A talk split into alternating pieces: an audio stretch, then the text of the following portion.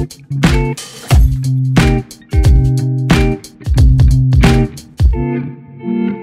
it. I'm Sandra, and I'm just the professional your small business was looking for. But you didn't hire me because you didn't use LinkedIn jobs. LinkedIn has professionals you can't find anywhere else, including those who aren't actively looking for a new job but might be open to the perfect role, like me. In a given month, over 70% of LinkedIn users don't visit other leading job sites. So if you're not looking on LinkedIn, you'll miss out on great candidates like Sandra. Start hiring professionals like a professional. Post your free job on linkedin.com/achieve slash achieve today.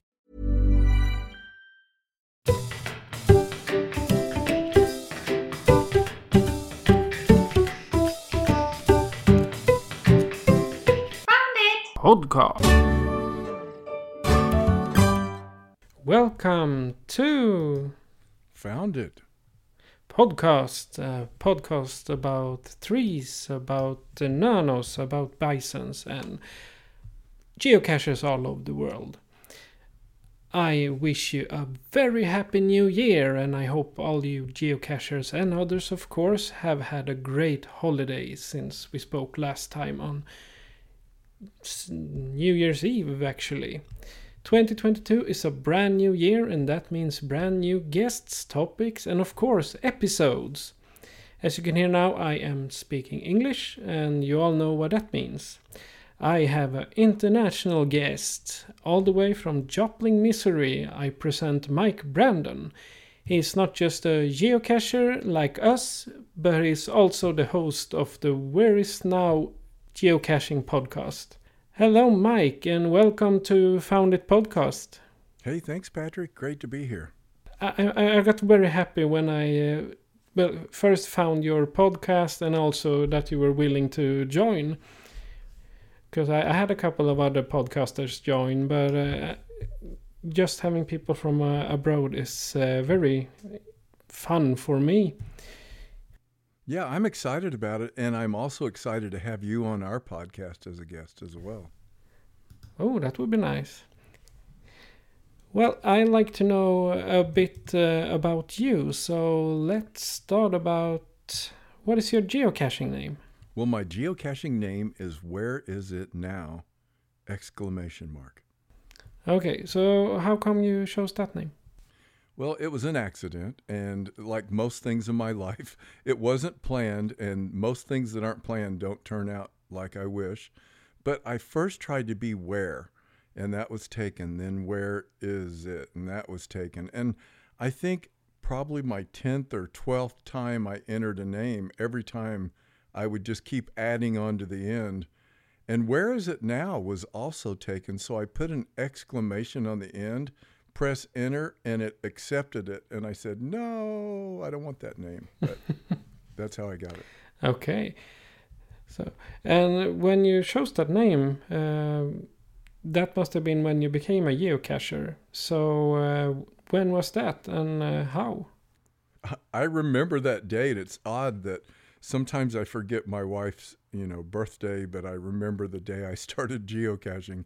It was January the 11th, 2013. That that is a while ago. Yeah, it's very specific, isn't it? Did someone refer you to it, or did you just find it online and start? Or No, I, I was reading a magazine, and I always like to say an analog magazine, a real in my hand reading a paper magazine called Mental Floss. And it's still one of my favorite magazines, but I often read it online now. And it had a they Mental Floss does lists. They list all these things about different topics. And in this episode or this uh, edition, they had list of fun things to do, fun hobbies or something like that. And one of them was geocaching. And then below the list, they sort of explained what it was. And I was immediately intrigued. I was immediately intrigued and downloaded the app right then, right that minute. oh, okay. Uh, how much time do you spend out geocaching? Uh, is my wife going to hear this episode? Maybe. then hardly any. No, I'm kidding. Uh, she knows. No, a lot of time. So On a on a slow week, I would say three or four hours. On a busy week, twenty hours. So I, the, what makes it so long is often my day trips are twelve and fourteen hours long. Okay. And by the way, that's because I have to drive so far to find a cache that I haven't found. Oh, so you have uh, you have logged a lot of caches in your uh, nearby area. I have. So I'm usually 40 minutes or to an hour to get to a group of caches I don't have. And by the time you drive an hour, you just figure I'm going to spend the day doing it. Wow. Okay. Uh, now I, I would like to talk to you about, about uh, Where Is It Now podcast. Uh, when did you start it and why? It was another accident like everything in my life. It was in March of 2020. I was going crazy because of the COVID lockdown. I was, I mean, I couldn't even go geocaching. It wasn't, you couldn't do anything. And so I was sitting in my studio playing some music. I have a recording studio, and it just hit me. I should start a podcast. So I started recording a podcast right then, not knowing anything about it and just being bad at it. But March of 2020. Okay. Um, how often do you publish episodes? Well, they uh, okay. So another accident, if you can believe it. My goal was anytime I wanted to, because one of the things about our podcast is we don't have any sponsors, so we're not receiving any money or anything, so we don't have to do it at any certain time. But it's turned into a weekly podcast, so that was an accident. I accidentally released a whole bunch at once, and then the internet told people that I was a weekly podcast. So I've become a weekly podcast. So we release every Saturday morning, uh, Central Standard Time in the States at 8 a.m. Okay. Um, how do you think that uh, people has they reacted and uh, gave you some feedback, or how do you think that they have been? Yeah, I mean, the the problem is people don't tell me things they don't like. They only tell me things they do like. So I, I, I guess I get a lot of positive feedback. I it would be nice to have maybe it would be nice to have somebody tell me what they really thought. Now I, I will tell you this. I I was on a uh, a social platform called Clubhouse, and it was a podcasting group. And when they heard the name of my podcast, they told me I should change the name. That podcast should be the first part of the name, not where is it now. And I did that, but two weeks later I changed it back. Um, I think overall it's going okay. We're growing a little bit more each episode, and we have more people following us uh, each month than we did the, the month before. I, I, I I'm going to tell you the truth. I like listening to it when I'm geocaching, so hopefully other people do too. A- As for the podcast, I guess you have some uh, plans for the future, maybe to grow audience or just grow uh, areas where you can uh, produce episodes. Do you have any plans that you are willing to share right now? Yeah, absolutely. Well, one of the things I that I have learned is that my true love is geocaching, not podcasting. And so sometimes there were times in my past where I found myself doing more podcasting or things for the podcast rather than geocaching for fun and recording that. So my plans for 2022 is there's a group of geocachers uh, on Facebook that are local to me. We're going to form a group of caravanners and we're all going to travel together to different areas around the four states that I live in. And the longest trip will probably be five or six hours one way.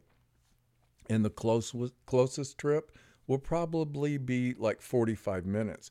So my idea is is that we would all get together, caravan to an area, have an event there for the people there, and bring 20 or 30 people to their event where they may not see other geocachers very often. And then as the podcast goes, I'll record that event like I often do.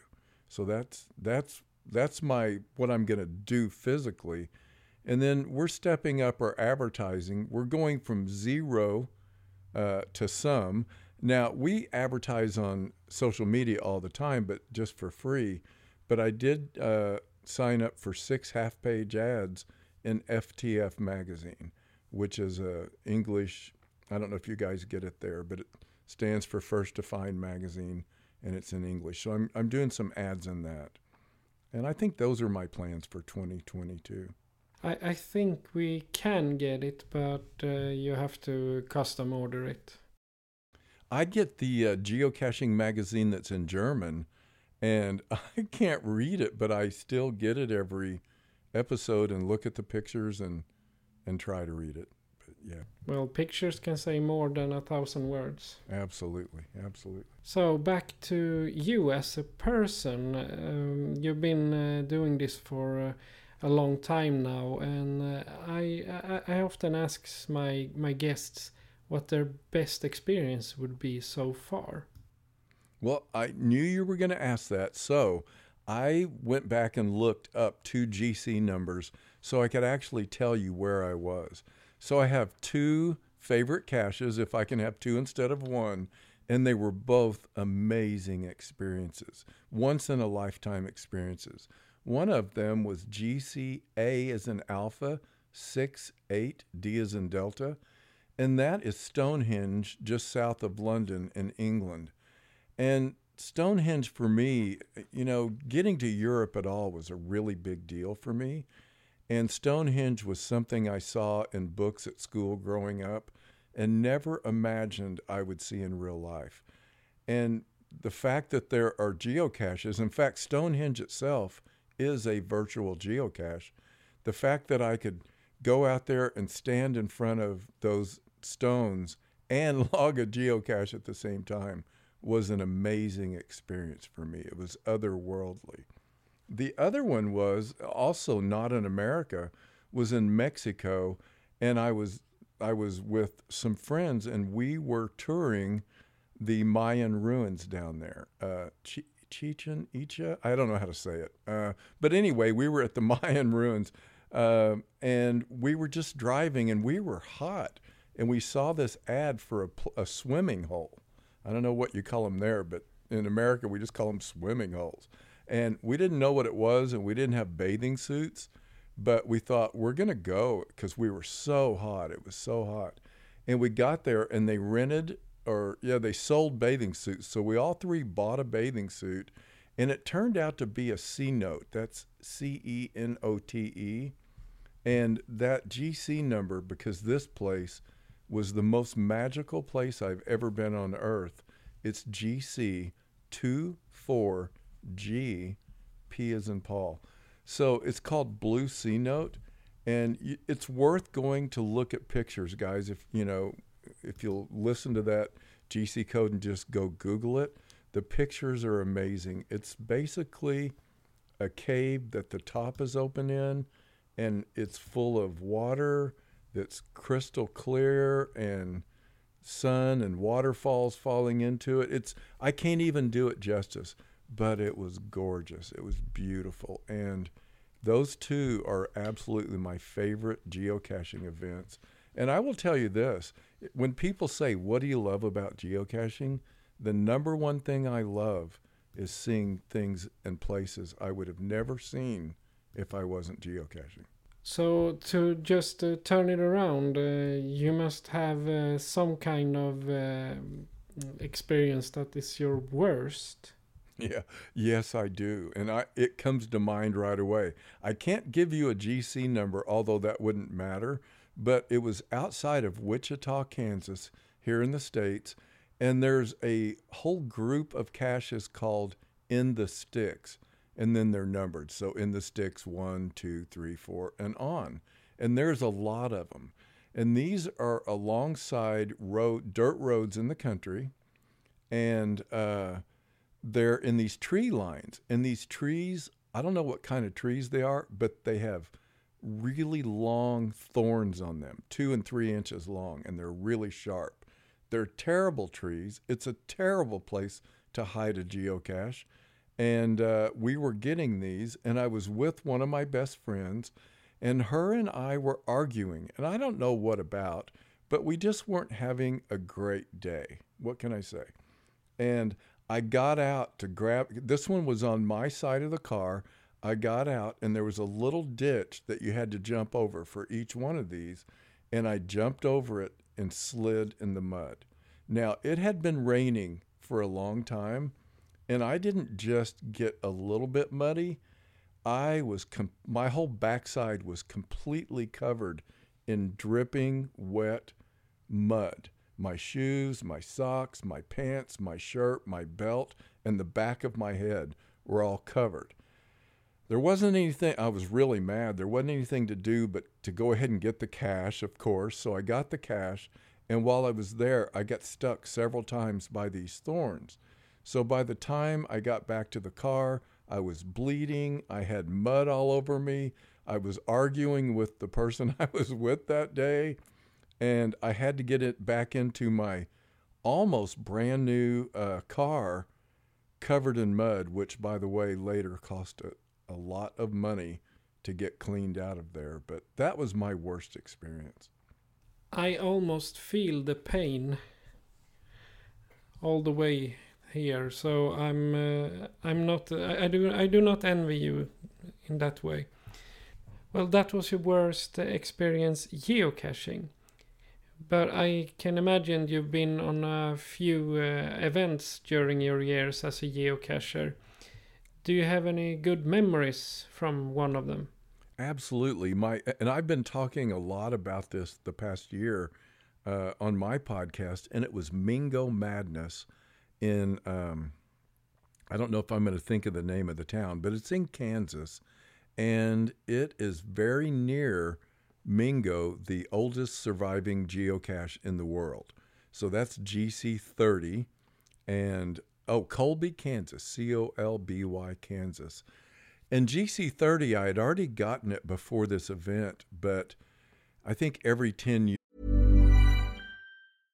Hey, I'm Ryan Reynolds. At Mint Mobile, we like to do the opposite of what Big Wireless does. They charge you a lot, we charge you a little. So naturally, when they announced they'd be raising their prices due to inflation, we decided to deflate our prices due to not hating you. That's right. We're cutting the price of Mint Unlimited from $30 a month to just $15 a month. Give it a try at mintmobile.com slash switch. $45 upfront for three months plus taxes and fees. Promote for new customers for limited time. Unlimited more than 40 gigabytes per month. Slows. Full terms at mintmobile.com. Hiring for your small business? If you're not looking for professionals on LinkedIn, you're looking in the wrong place. That's like looking for your car keys in a fish tank. LinkedIn helps you hire professionals you can't find anywhere else, even those who aren't actively searching for a new job but might be open to the perfect role. In a given month, over 70% of LinkedIn users don't even visit other leading job sites. So start looking in the right place. With LinkedIn, you can hire professionals like a professional. Post your free job on linkedin.com slash achieve today. Years they have a an event around Mingo and people come. Well, this was one of the first events after uh, we had all been quarantined and we could get out again safely, and it was miraculous. Uh, my same person that I argued with the time before, we were having a wonderful time this time, and she flew in from Minnesota, which is a long flight and I drove in from Missouri and we went to Colby, Kansas, and we got 223 caches that day, which is our uh, our record for the most caches in a single day. And they were wonderful. There was geo art. The event itself was really good. There was, it, it was just so well done, and I had the best time. Oh my, 230 caches in one day. I think my record is like 38. well, it depends on where you are. Now, Kansas is flat and easy. So you can put a cache every tenth of a mile in a GeoArt and literally one person drive and one person jump out. Uh, so that makes it faster. I will also say that that event grew our podcast more than any other thing we've ever done because it was the first time I remotely recorded at an event and so I had people come up to our table and tell us their geocaching name, where they were from, and how many finds they had. And so we got 30 or 40 people that I think talked about the podcast to a lot of people. And we more than doubled our listeners in one weekend. Oh, that's nice. Mm-hmm. During your events or uh, your geocaching uh, travels, or uh, when you've been with friends or so on, probably something funny has happened. Do you have something funny or wacky you can share? Oh yeah, yeah. I, trouble follows me, and funny follows me. So I guess it depends. But I, I did a whole episode on the Ape Cache, A P E, and it's a famous cache in Washington State here in the states. And the Ape Cache was one of the first. Was there six or twelve?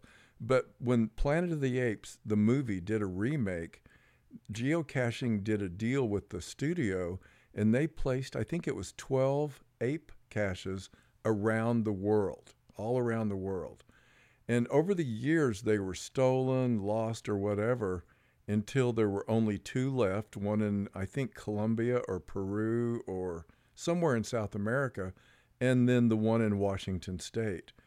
The one in Washington State went missing so there was only one left in the world. And I had always dreamed, it's like, I need that because it has a special icon you can only get from an ape cache. And somehow, I mean, there's a really cool blog about it on geocaching.com. They found the missing uh, ape cache. It had fallen off the side of a mountain. And they had found it. And now what they do is once a year, they bring it out and place it back on the trail where it originally was so that people around the world can fly in, drive in, and come get that cache. Okay, so I was studying all about it because I had to fly to get there. And the one thing I kept hearing was you want to have a bicycle. You don't want to walk this if you can get a bicycle. Now, the other tricky part about this ape cache is you have to walk through a tunnel that's called the Tunnel of Light which is a little misleading because it's in total total darkness. And I think I hate to exaggerate like I normally do, but I believe this tunnel is a full two miles long.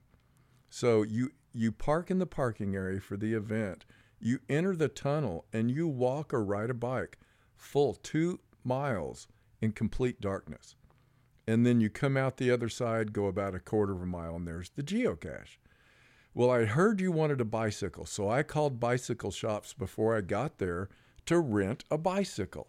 No one had a bicycle for rent, they were all taken for something else.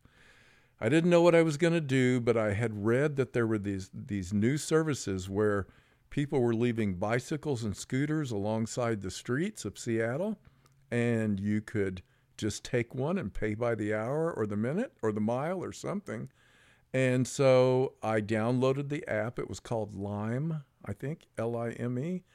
And I got to Seattle and I searched on the app for the bicycle that was closest to me. And so the morning of the event, I get up about 6 a.m. and I searched, and there was one only a mile away. And this is where it starts getting, I think, funny uh, or odd it was about a mile away. So I got in my car and I went, oh, a rental car, and I went over there where it was. And it was very odd. It was a motel that was the kind of motel you wouldn't sleep in, you wouldn't, I wouldn't, and that probably only bad things happen at. It was one of those. It was not a good place. It, it, I don't want to go into detail, but anyway, in in my head, I get uh, this Psycho from Psycho. yeah, it was. Uh, oh yeah, you know what? It was bigger than that, but yes, it was. It looked like it was full of people that I don't know if if I, I hope this is still G rated, but I think it was probably full of prostitution, drugs, and criminals, and so I'm driving around the circle looking for the bike, and the, the, the map says it's right there, but I can't see it. I'm a little bit scared, but I get out, I park my car, and I get out, and I finally find the bicycle. Somebody had stashed it behind some bushes by one of the rooms. Well, I mean, evidently they just take the bike to go do whatever it is they do when they live at this hotel and they bring it back and hide it. And I decide I have to have this bike. So I pick it up and I try to wheel it away. I'm going to take the bike. Even though I'm not stealing it, I'm very nervous. The back wheels won't turn because you have to unlock it with the app. So I lift the back up, which is quite heavy actually, and start trying to get it to the car. And uh, the bike starts talking. The bike says, Please register the bike on the app. Please register the bike on the app. And it's not quiet, and it's six in the morning, and I'm just afraid somebody's going to burst out of that hotel room screaming, Why do you have my bike? And anyway, I open up the trunk and I put the bike in the trunk, and the trunk won't close. So I go to the gas station a half a mile away and go inside, and people are looking at me from the parking lot because everyone recognizes this bicycle because it's painted lime green and white and has a sign on it. And everybody's looking at like that guy has a lime bike in his trunk. And so I go inside to ask if they have any rope or twine that I could tie the trunk closed with. And she goes towards a phone like she's going to call the police. And so I left. I just left and I started out for the mountains. Now, the Ape Cache event is actually probably an hour to an hour and a half outside of Seattle in the mountains. So I'm driving towards the event with, at this point, what is sort of a stolen bicycle in the trunk of my car that won't close. And my phone starts talking. You have exited the permissible area. Please return the Lime bike now. Please return the Lime bike now. It did that for a long time. It wouldn't stop. It wanted me to return the bike. It, it had a, it could tell where it was. The bike knew where it was the same way we know where a geocache is. And it literally did that for 30, 35 minutes before evidently I got far enough away or I got out of a signal and it didn't know where it was or something. And it finally quit. I got to the event. I get the bicycle out. And as I'm getting it out of the trunk, the very first thing I hear from a kid with his father in the car next to me who are getting on real bicycles, and they say, the kid says, Isn't that one of those lime bikes from the city? I said, Yeah. And he goes, What are you going to do with it? I'm going to ride it through the tunnel. Well, I should describe the bike. The bike is like a bike that is heavy and big. It has a basket on the front, like little girls might have, and it has a luggage rack on the back, and it's heavy and slow. That's all I know to tell you. And it wasn't electric yet. Now they're electric, but this was pedal, and it was hard to pedal. So I get to the tunnel and I start going through, and it's pitch black. And I brought a headlamp, so I've got a lamp on my head so I can sort of see. But the truth is, the tunnel is full, like hundreds and hundreds of people walking and riding bicycles in both directions. And uh, just to get you to the other side, just imagine a two mile ride on a bicycle in the dark that's hard to pedal, uh, going through mud puddles, trying not to run into people. And I got to the other side and I got the cache, which was wonderful. They actually have someone dressed in an ape costume and you get your picture taken with them. So I got the picture with the ape at the ape cache and logged it and then started the awful, and it really was awful ride back through the two mile tunnel. And there is no other way to get there. And I got back to my car and I was so tired, I couldn't lift the bike into the trunk by myself. And I'm not a small, I'm a big man. I mean, it I was worn out. And so I had to ask for help. Now, the kid asked me, Isn't that one of those bikes when I first got out of the car? No less than four people in the tunnel said, Isn't that one of those bikes from the city? How did you get it here? Why did you get it here? Is it stolen? And so when I'm leaving, I, can you help me get this back? And uh, had to have somebody kind of mock me while I loaded the bicycle back up. I drove it back into the city when the event was over and you can leave them anywhere. I pulled into a convenience store, a gas station, next to a policeman who was parked there and took the bike out of my trunk and set it down and drove away and never heard anything else about it. Now, the other funny thing about this is it's not a free bike. They charge you by the mile or by the hour. I had gone a long, long way from where I picked that bike up. And here's the only saving grace the bill would have been massive, but the trick was when you signed up for the account, your first trip was free. So I got to use it for free instead of paying hundreds of dollars. Um, if you go to our Facebook page for our geocaching group, it's called Four, it's the number four, Four State Geocaching Society, and search APE in that group, you will see a video of me on the trip, the bicycle in the trunk, the ape at the cache, and all the crazy stuff. Uh, I tell you, that is a very wacky story, actually. well, thanks for letting me go on. I know it's not a short story. Well, the story is uh, the better the story, the longer it should be. Yes, and uh, I would like to ma- let you uh, share some information about your podcast and uh, how uh, my listeners can uh, listen to you and maybe follow you on some social media. Can you tell us about Yeah. that? Absolutely. And you know, it's funny uh, because now you're in Sweden, is that correct? Yes. Okay, I thought so. I don't want to make a mistake, but you're in Sweden. Sweden is actually our fourth biggest listener group. I don't know why. Um, but anyway, so the way that you can find us is on Instagram, we're uh, Where Is It Now underscore podcast. On Facebook, we're the Where Is It Now podcast. Um, our webpage is whereisitnow.org. And where you can find us anywhere, you can find any podcast by searching Where Is It Now? And I you know, you can find us. And I have to tell you that when you come to be a guest on my podcast, we won't do it in Swedish. I'll have to do it in English. Oh no. You can do your half in Swedish. I'll ask you the questions in English. You do yours in Swedish. Yeah, that will make the language barrier very, very small for us. exactly. Exactly. Well, anyway, that's how you find us, and uh, we'd love to. Uh, we'd love. I, by the way, I recorded a podcast this morning and mentioned yours on it, so hopefully you'll have some new people as well. Very nice.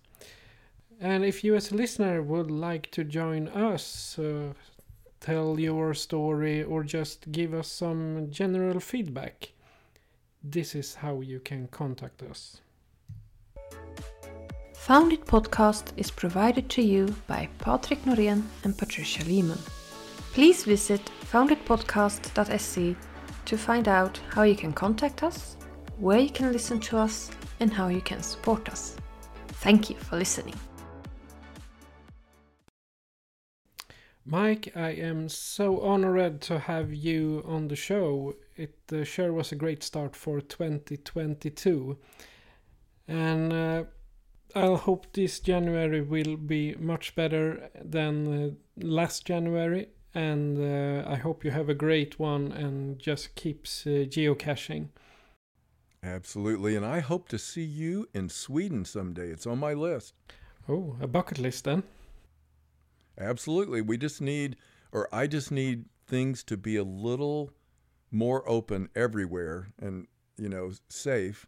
And then it's definitely on my list to come to Sweden and geocache. Yes, thank you, Mike. And um, I wish you all the best.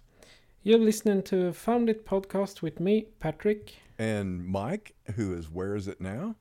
Goodbye to you.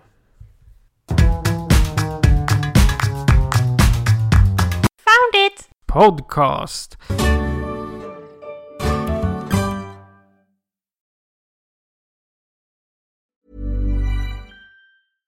Imagine the softest sheets you've ever felt. Now imagine them getting even softer over time. That's what you'll feel with Boll and Branch's organic cotton sheets. In a recent customer survey, 96% replied that Boll and Branch sheets get softer with every wash. Start getting your best night's sleep in these sheets that get softer and softer for years to come. Try their sheets with a 30-night guarantee. Plus, get 15% off your first order at bollandbranch.com. Code BUTTERY. Exclusions apply. See site for details.